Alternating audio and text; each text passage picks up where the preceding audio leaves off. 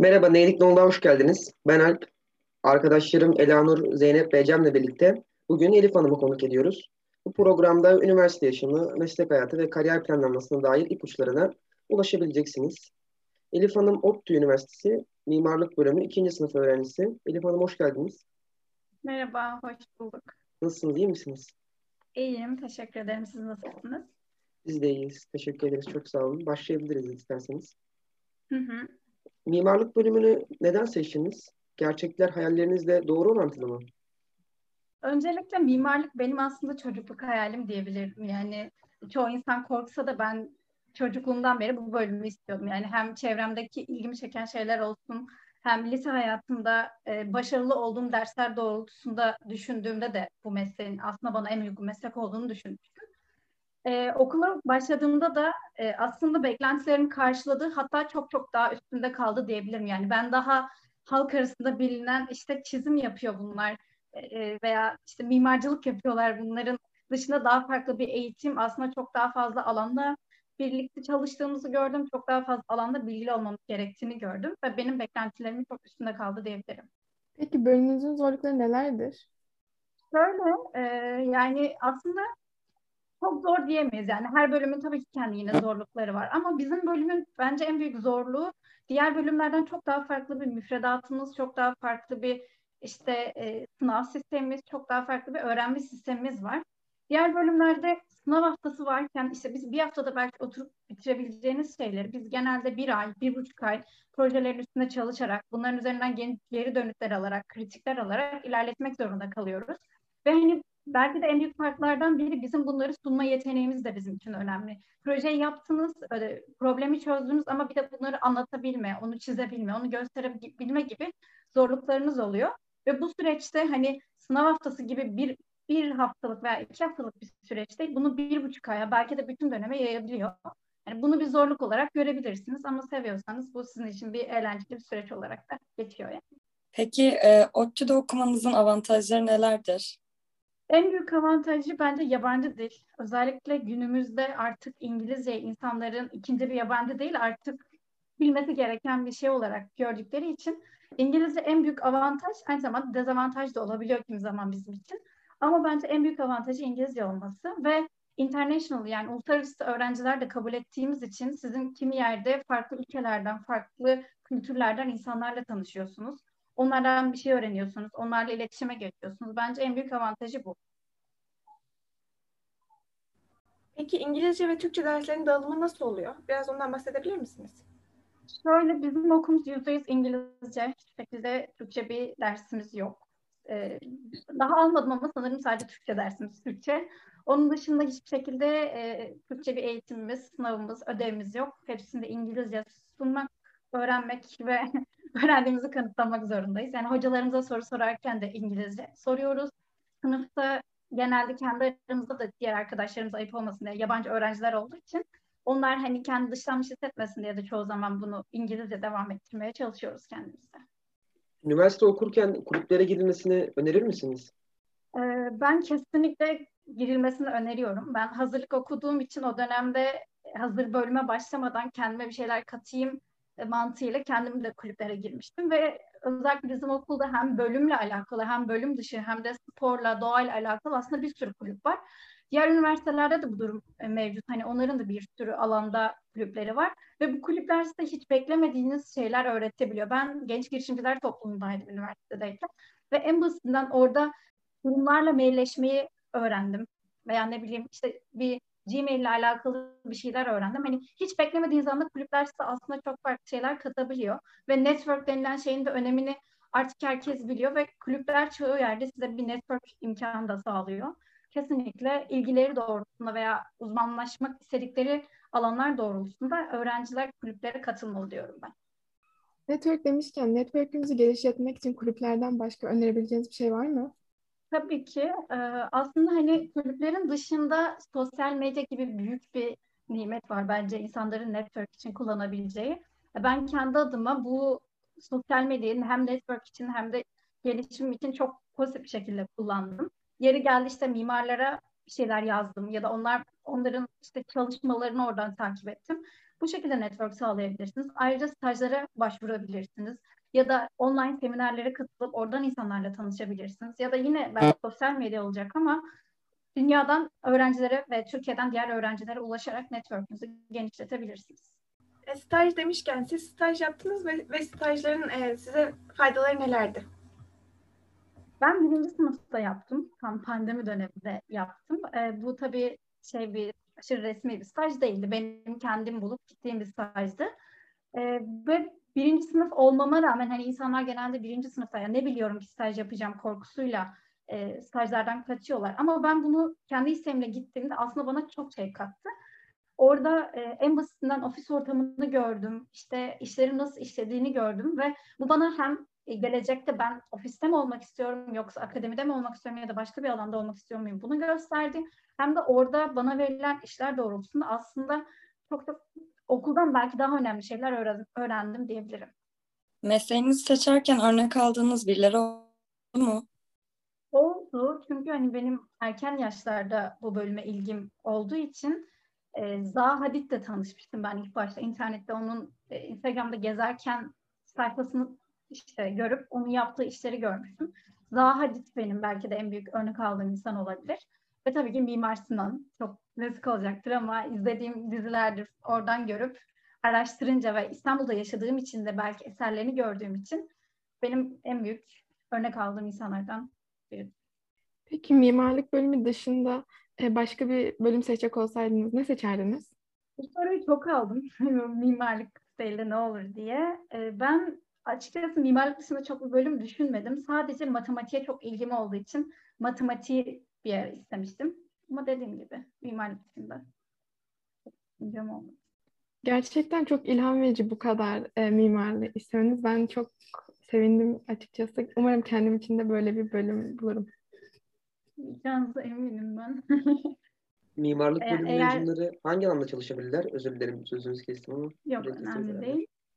Mimarlık bölümü mezunları aslında yine bu halkın bildiği iç mimar, dış mimar ya da ne bileyim şantiyede ya da ofiste gibi kalıpların dışında çoğu yerde çalışabiliyoruz. Hatta bizim okulun mezunlarından bahsetmek gerekirse e, Teknokent belki bilirsiniz. Orada oyun tasarımcılığından tutun, bu yıl aldığımız stajlardan gördüğüm kadarıyla malzeme uzmanlığı, işte yeşil bina uzmanlığı ya da e, birçok alanda aslında çalışabiliyorsunuz. Çünkü okulda özellikle ilk iki yıl çok yoğun bir tasarım e, eğitimi alıyorsunuz. Bunun doğrultusunda aslında çoğu yer- yerde tasarımcı olarak da çalışabiliyorsunuz. Ve diğer bölümlerle de çok e, yoğun bir şekilde çalıştığınız için aslında dediğim gibi bu malzeme uzmanlığıdır ya da ne bileyim inşaatla alakalı daha spesifik bölümlerde de uzmanlık yapabiliyorsunuz. Peki üniversite hayatınızda sizi en çok şaşırtan ve komik anınız neydi?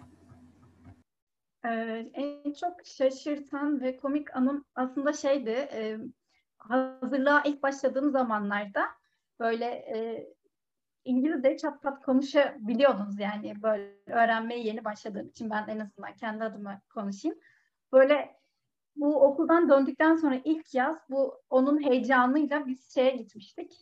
Bir gezi gibi bir yere gitmiştik ve orada böyle bir nevi turist taklidi yapmaya çalışmıştım ben ya da ne bileyim işte İngilizce konuşmaya çalışıp bir e, Türk karşımdaki insan tabii böyle Türk bir satıcıydı.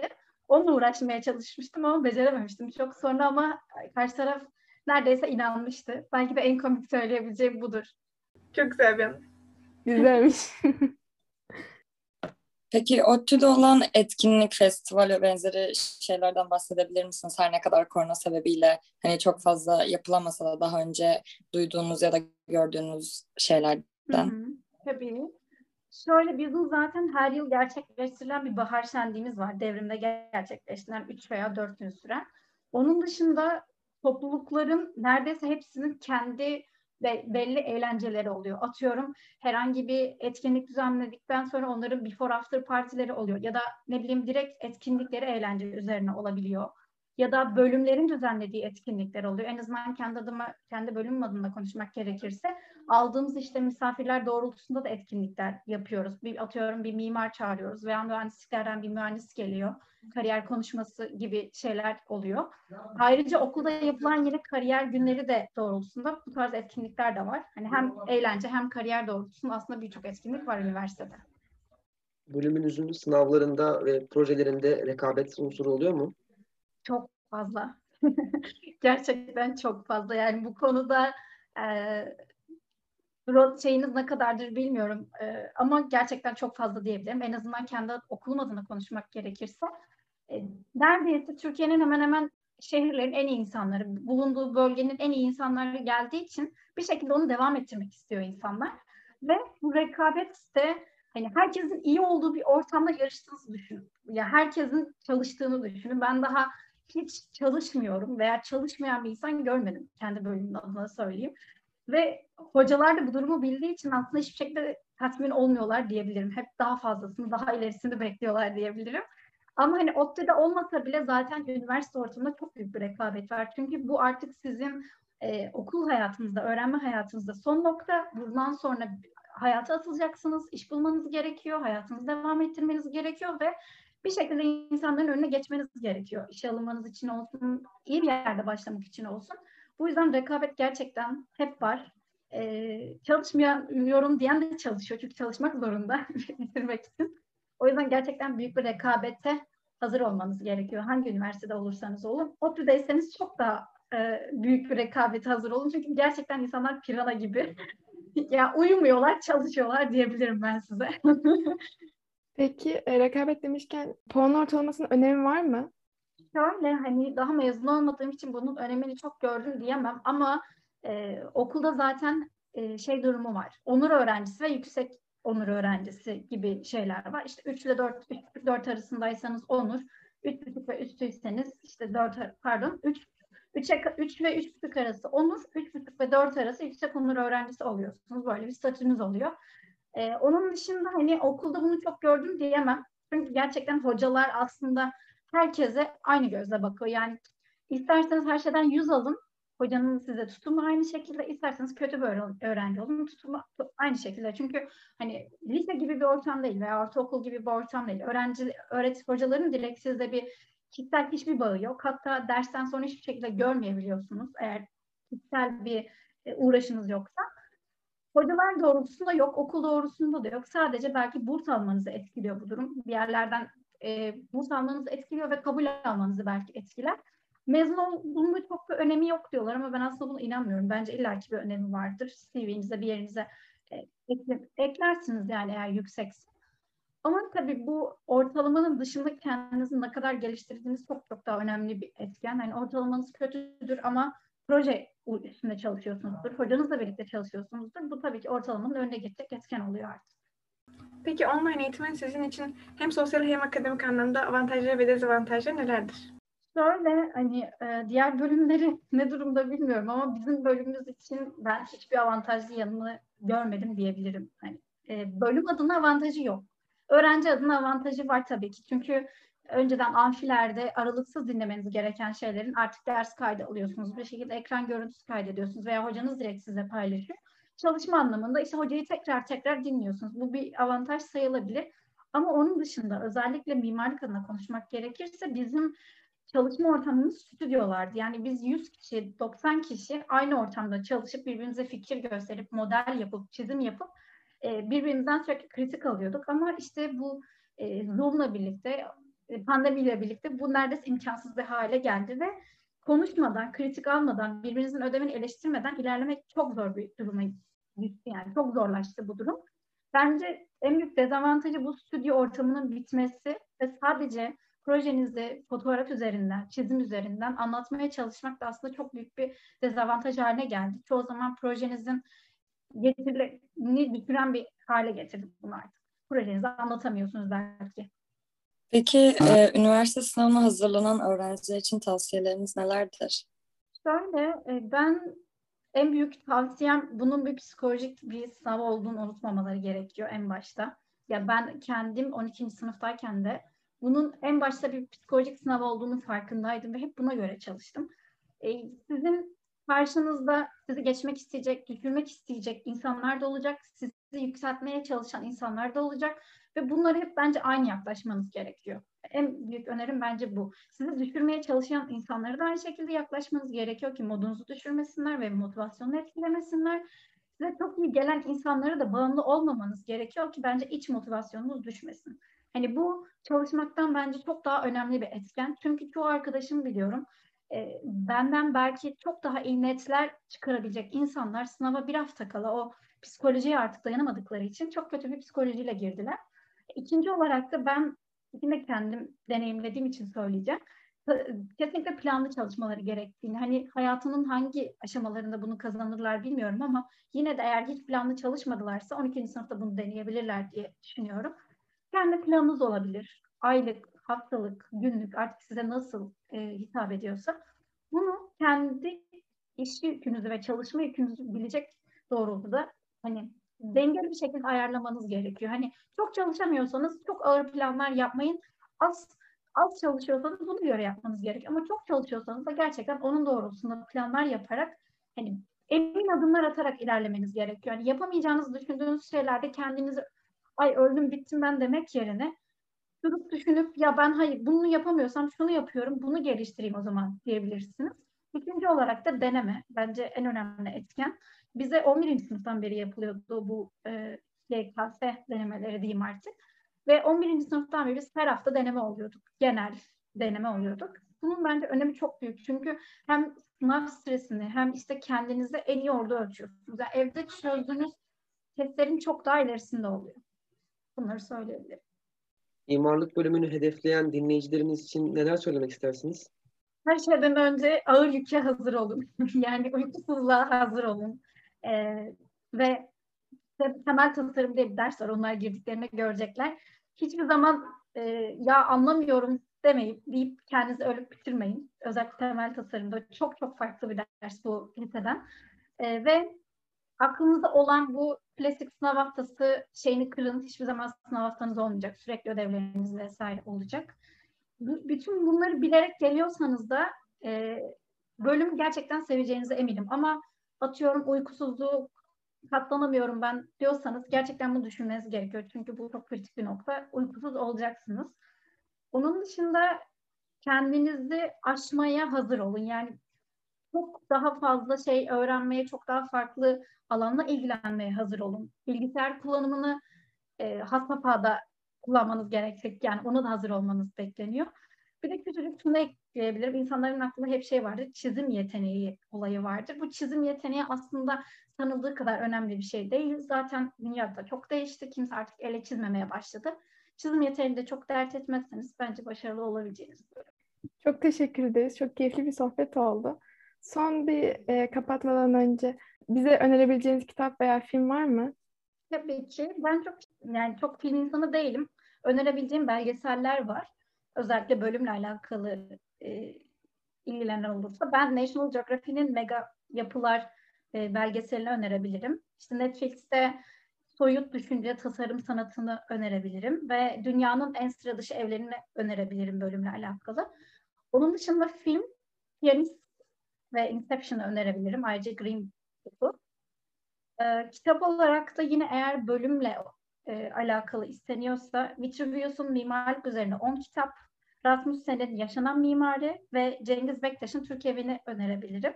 Ama yok ben bölüm istemiyorum, bölüm dışında da bir kitap istiyorum diyorsanız da Martin Eden'i önerebilirim. Oblomov'u önerebilirim ve Puslu Kıtalar Atlası'nı önerebilirim. Çok teşekkür ederiz. Tecrübelerinizi bizimle paylaştığınız, aktardığınız için çok sağ olun tekrardan. Kabul ettiğiniz için bu isteğimizi. Ben teşekkür ederim. Çok güzel kaldım ben de. Çok heyecanlıydım. Eğer e, yanlış bir cümle kurduysam, yanlış bir telaffuzda bulunduysam da özür dilerim şimdiden. Yok çok güzel bir sohbet oldu. Çok güzel bir içerik oldu. Şimdiki konuğumuz Özge Hanım. Kendisi ODTÜ Mimarlık Bölümü mezunu. 25 yıldır aktif olarak mimarlık sektöründe çalışıyor. Dış kaplama üzerine şirketi var. Özge Hanım hoş geldiniz. Nasılsınız? İyiyim, teşekkürler. Siz nasılsınız? Bizler de iyiyiz. Teşekkür ederiz. İlk sorumuzla başlayabiliriz. Mimarlık mesleğini niye seçtiniz? Gerçekler hayallerinizde doğru orantılı mıydı? Ee, aslında benimkinde tam olarak meslek odaklı değildi seçimim. Ee, abim ODTÜ'de okuyordu. ODTÜ hayranlığı vardı o zaman lisede, bende. E, ve meslek olarak da kendimi mimarlığa, endüstri mühendisliği gibi birkaç meslek seçimi vardı. Bunlara yakın hissediyordum. Açıkçası biraz puanlar doğrultusunda birazcık da kendi isteğimle e, karışık bir seçim oldu. Birazcık da e, okul seçimi oldu benimkisi meslek seçiminden daha çok. Peki ODTÜ'ye girerken çok zorlandınız mı? Ee, yani evet o her zaman zordu açıkçası. Hani yüzdelik dilim olarak benim girdiğim dönemde de e, oldukça yüksek puanla giriliyordu. Ama hani e, belirli bir düzende çalışıyordum. Bütün e, lise 2'den itibaren. Bizim için o zaman yeterliydi. Tabii sizin bu zaman olduğu kadar zor değildi sanıyorum. E, biraz zordu ama okumak daha zordu diyebilirim mimarlıkta. Girmekten. Bölümünüz beklentilerinizi karşıladı mı?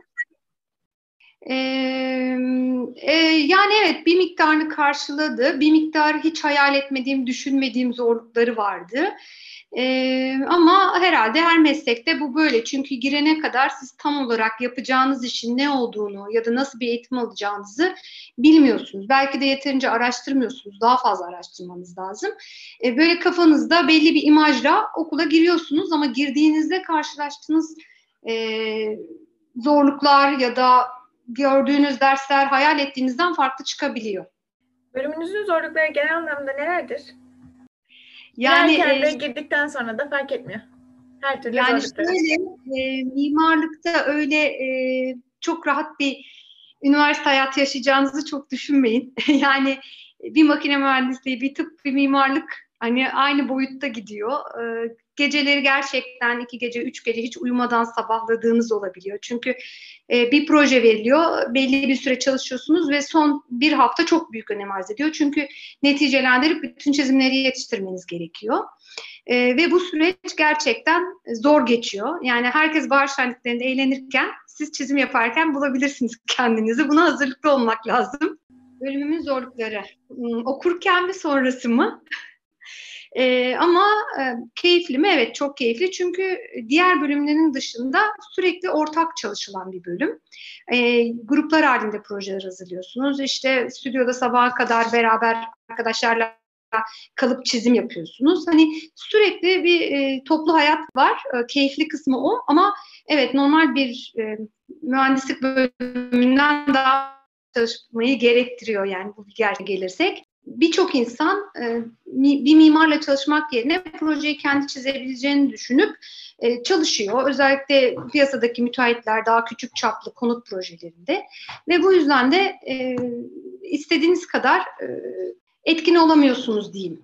E, hak ettiğiniz ve vermiş olduğunuz o şeyin karşılığını tam olarak göremeyebiliyorsunuz iş hayatında. Mimarlık öğrencilerine üniversite okurken staj yapmalarını önerir misiniz? Yüzde yüz öneririm. Yani bunu ben sağlıklı ve düzgün bir şekilde yapmamış biri olarak öneriyorum. Çok önemli. Hatta şöyle yani sadece stajla da ilgili sınırlı bir şey değil. Artık e, okula girdikten sonra çok bilinçli davranmak gerekiyor. Yani üniversiteye girdim artık ben kurtuldum iş bitti hani ben tamam mimar oldum gibi bir durum değil. Çünkü e, binlerce mimar mezun oluyor. Siz onların içerisinden e, belli bir yere ulaşmanız gerekiyor. Belli bir seviyeye. Bunun için de işte stajyer bir adım, ondan sonra e, yapacağınız araştırmalar, katılacağınız programlar, kendinizi geliştirmek için yapacağınız, öğreneceğiniz çizim programları olsun, diğer görsel programlar olsun hepsi çok önemli. Özellikle piyasada tanınmış, bilinmiş e, firmalarda, e, mimarların yanında, bürolarda e, staj yaparsanız bu size mezun olduğunuzda çok büyük bir artı sağlar. Peki mesleğinizi seçerken örnek aldığınız birileri var mıydı? Yani ünlü bir mimar olarak yoktu açıkçası ama e, çevremde inşaat sektöründe çalışan çok fazla insan vardı. Onun biraz etkisi oldu. E, ama hani tam olarak aslında gerçekten bir mimar ne yapar? Hani e, onun e, çalışma alanları nedir? E, okurken hangi dersleri görürler? Ne yaparlar? Çok fazla bilgim yoktu. O konuda da sizlere önerim gerçekten e, belki de çok ciddi olarak düşünüyorsanız bir mimarlık ofisine gidip bütün bir gün ne yaptıkları ile ilgili onlarla biraz vakit geçirip e, bu yapabileceğiniz bir şey mi e, diye daha detaylı bilgi edinmenizi öneririm. Çünkü gerçekten hayatta verilebilecek en önemli kararlardan biri meslek seçimi. E, çok zor üniversiteye giriyorsunuz. Ondan sonra Aa, ben onu beğenmedim bir tane daha gireyim sınava demek gerçekten büyük bir yıkıntı yani. Zor bir şey. O yüzden e, çok iyi karar vermek lazım. Evet Özgür teyze işte biz de bu yüzden e, birazcık hani insanlara yardım edebilme amacında olduğumuzdan dolayı bu programı yapıyoruz. Bir parça Çok da olsun insanlara yardım etmek istiyoruz. çok güzel. Peki ben devam ediyorum şimdi. E, mezun olduktan hemen sonra neler yaptınız? Network olur, iş anlamında olur. Evet, yani ben orada biraz aceleci davrandım açıkçası.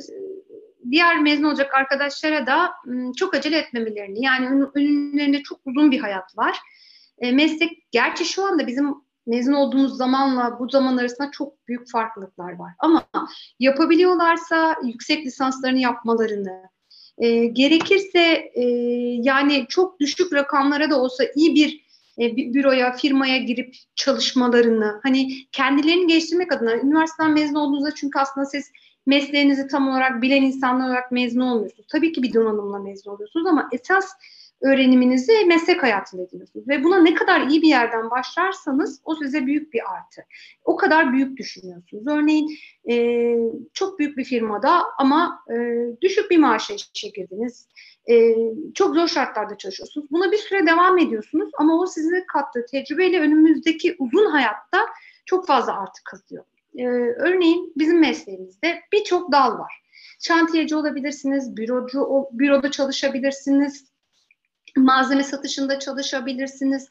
E, bunlarla ilgili neyi yapmak istediğinizle ilgili de karar vermek adına bu süreç çok önemli. Örneğin şantiyede çalışmaya başladığınızda tekrar büro hayatına dönmek çok zor. Çünkü o konuda tecrübe ediniyorsunuz. Bu yüzden biraz kendinize zaman tanıyıp e, ne istediğinizi tam olarak anlamaya çalışıp gerekirse farklı alanlarda 6 ay, 1 yıl çalışıp deneyerek tam olarak ne istediğinizi anlayıp ondan sonra e, seçim yapmanızın daha doğru olacağını düşünüyorum. İnsan ilk mezun olduğunda o ruh halinde olmuyor. Ay çalışmalıyım, mezun oldum, artık hayata atıldım gibi kendine çok fazla stres yüklüyor ama aslında önümüzde çok uzun bir hayat var. Hani belli bir süre e, tabii maddi şartlar da çok önemli ama kendinize zaman tanıyıp ne istediğinizi, hangi dalda ilerlemek istediğinize karar vermeniz çok önemli. Mimarlığa başladıktan sonra kazanmış olduğunuz para tahminlerinizle örtüştü mü? Yani e, ben mezun olduğumda Ankara'da yaşıyordum. Ankara'da da e, yani ODTÜ'den mezun olduğumuz için de belki bir artıydı.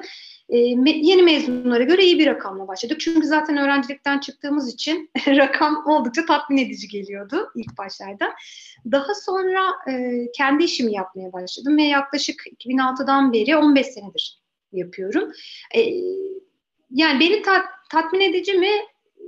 Hmm, Evet, e, birçok işe göre çok iyi.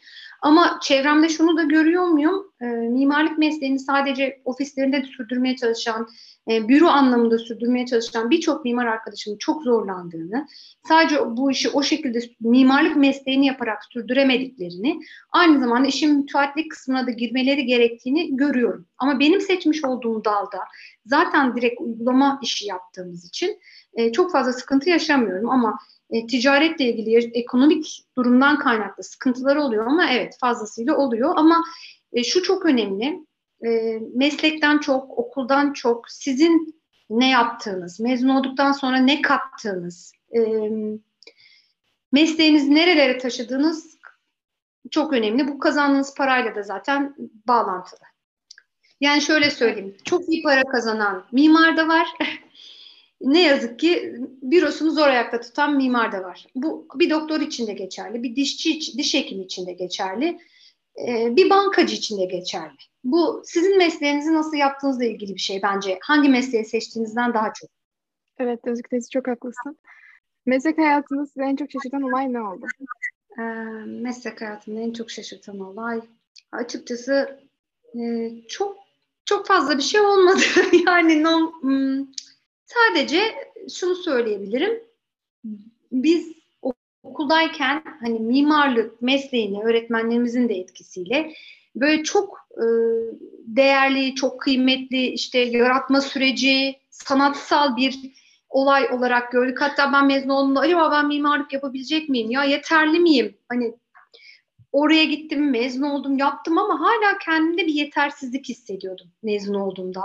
E, çünkü okuldayken size öyle bir e, anlatılıyor ki bu durum yani e, siz çok önemli bir iş yapacaksınız. E, aynen bir doktorun nasıl hastasını kurtarması çok önemliyse sizin yaptığınız projede çok önemli olarak yansıtıyordu ki doğrusu bu aslında ama piyasaya çıktığımda hiç öyle bir şey olmadığını anladım. Çok korkunç projelerle karşılaştım, yapılmış işlerle gördüm ve hani bizim hayal ettiğimiz ve bizim verdiğimiz önem kadar bizim mesleğimize e, bu sektörde çok da önem verilmediğini gördüm. Bu şaşırdığım konulardan biriydi.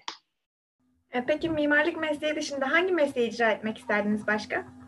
Ee, sanırım şu anda da yaptığım aslında kendi mesleğimde bir çeşit işletme. Şirketin müdürü olarak hani o işletmenin yürümesini sağlıyorum. Ve bu bana keyif veriyor. Sanırım gene böyle sosyal yönü kuvvetli olması için işletme türü, endüstri mühendisliği gibi bir mesleği yapmayı isterdim. Mimarlık bölüm mezunlarının çalışma alanları nelerdir? Ee, şöyle, büyük bir grup açıkçası. Ee, şu anda e, benim arkadaşlarımdan akademisyenlik yapıyor. Çünkü hani iyi bir okuldan mezun olduğunuzda diğer birçok okul sizi e, yüksek lisansınızı yaptığınızda eğitmen olarak almak istiyor ve bu konuda da bir ciddi ihtiyaç var. Yani böyle bir dalda çalışan çok insan var. Büro açıp sadece proje üzerine çalışan e, çalışabilirsiniz. E, hem proje çalışıp hem onun uygulamasını yapabilirsiniz. Bir firmada e, teklif bölümünde, ihale bölümünde çalışabilirsiniz. Malzeme firmalarında e, malzeme satış departmanlarında çalışabilirsiniz.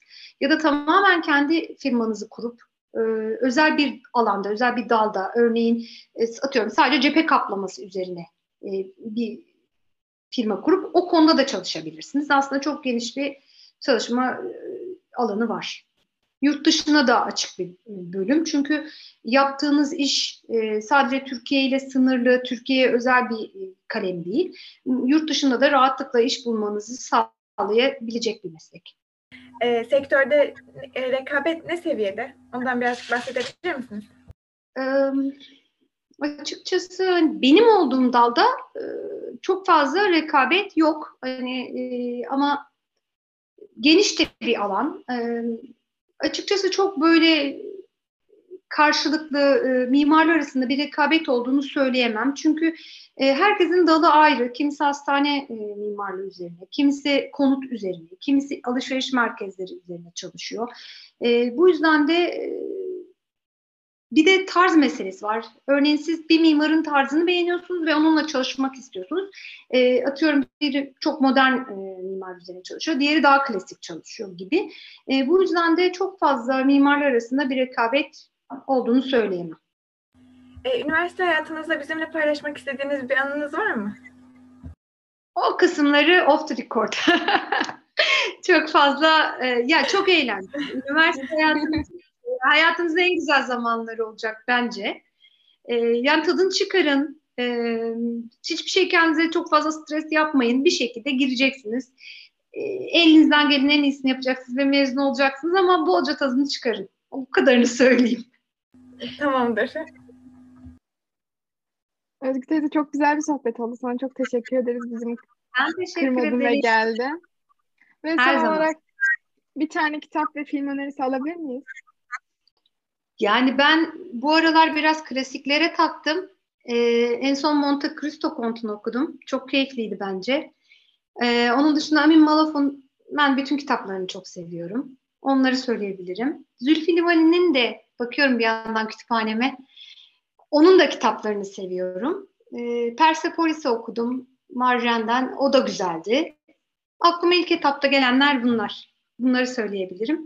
Filmde yani o konuda biraz benim e, Born serisi. en sevdiğim filmler onları önerebilirim. Tamamdır. Tekrardan çok teşekkür ederiz. Çok güzel Ben bir yayın oldu. ederim. Çok sağ olun. Görüşmek üzere. Hoşçakalın. Neydik ne olduğun ikinci bölümün sonuna geldik. Umarım keyifle dinlemişsinizdir. Görüş ve önerileriniz için bizlere Instagram ve mail adreslerinden ulaşabilirsiniz. Instagram adresimiz neydik.noolduk. Mail adresimiz ise neydikneolduk35 at gmail.com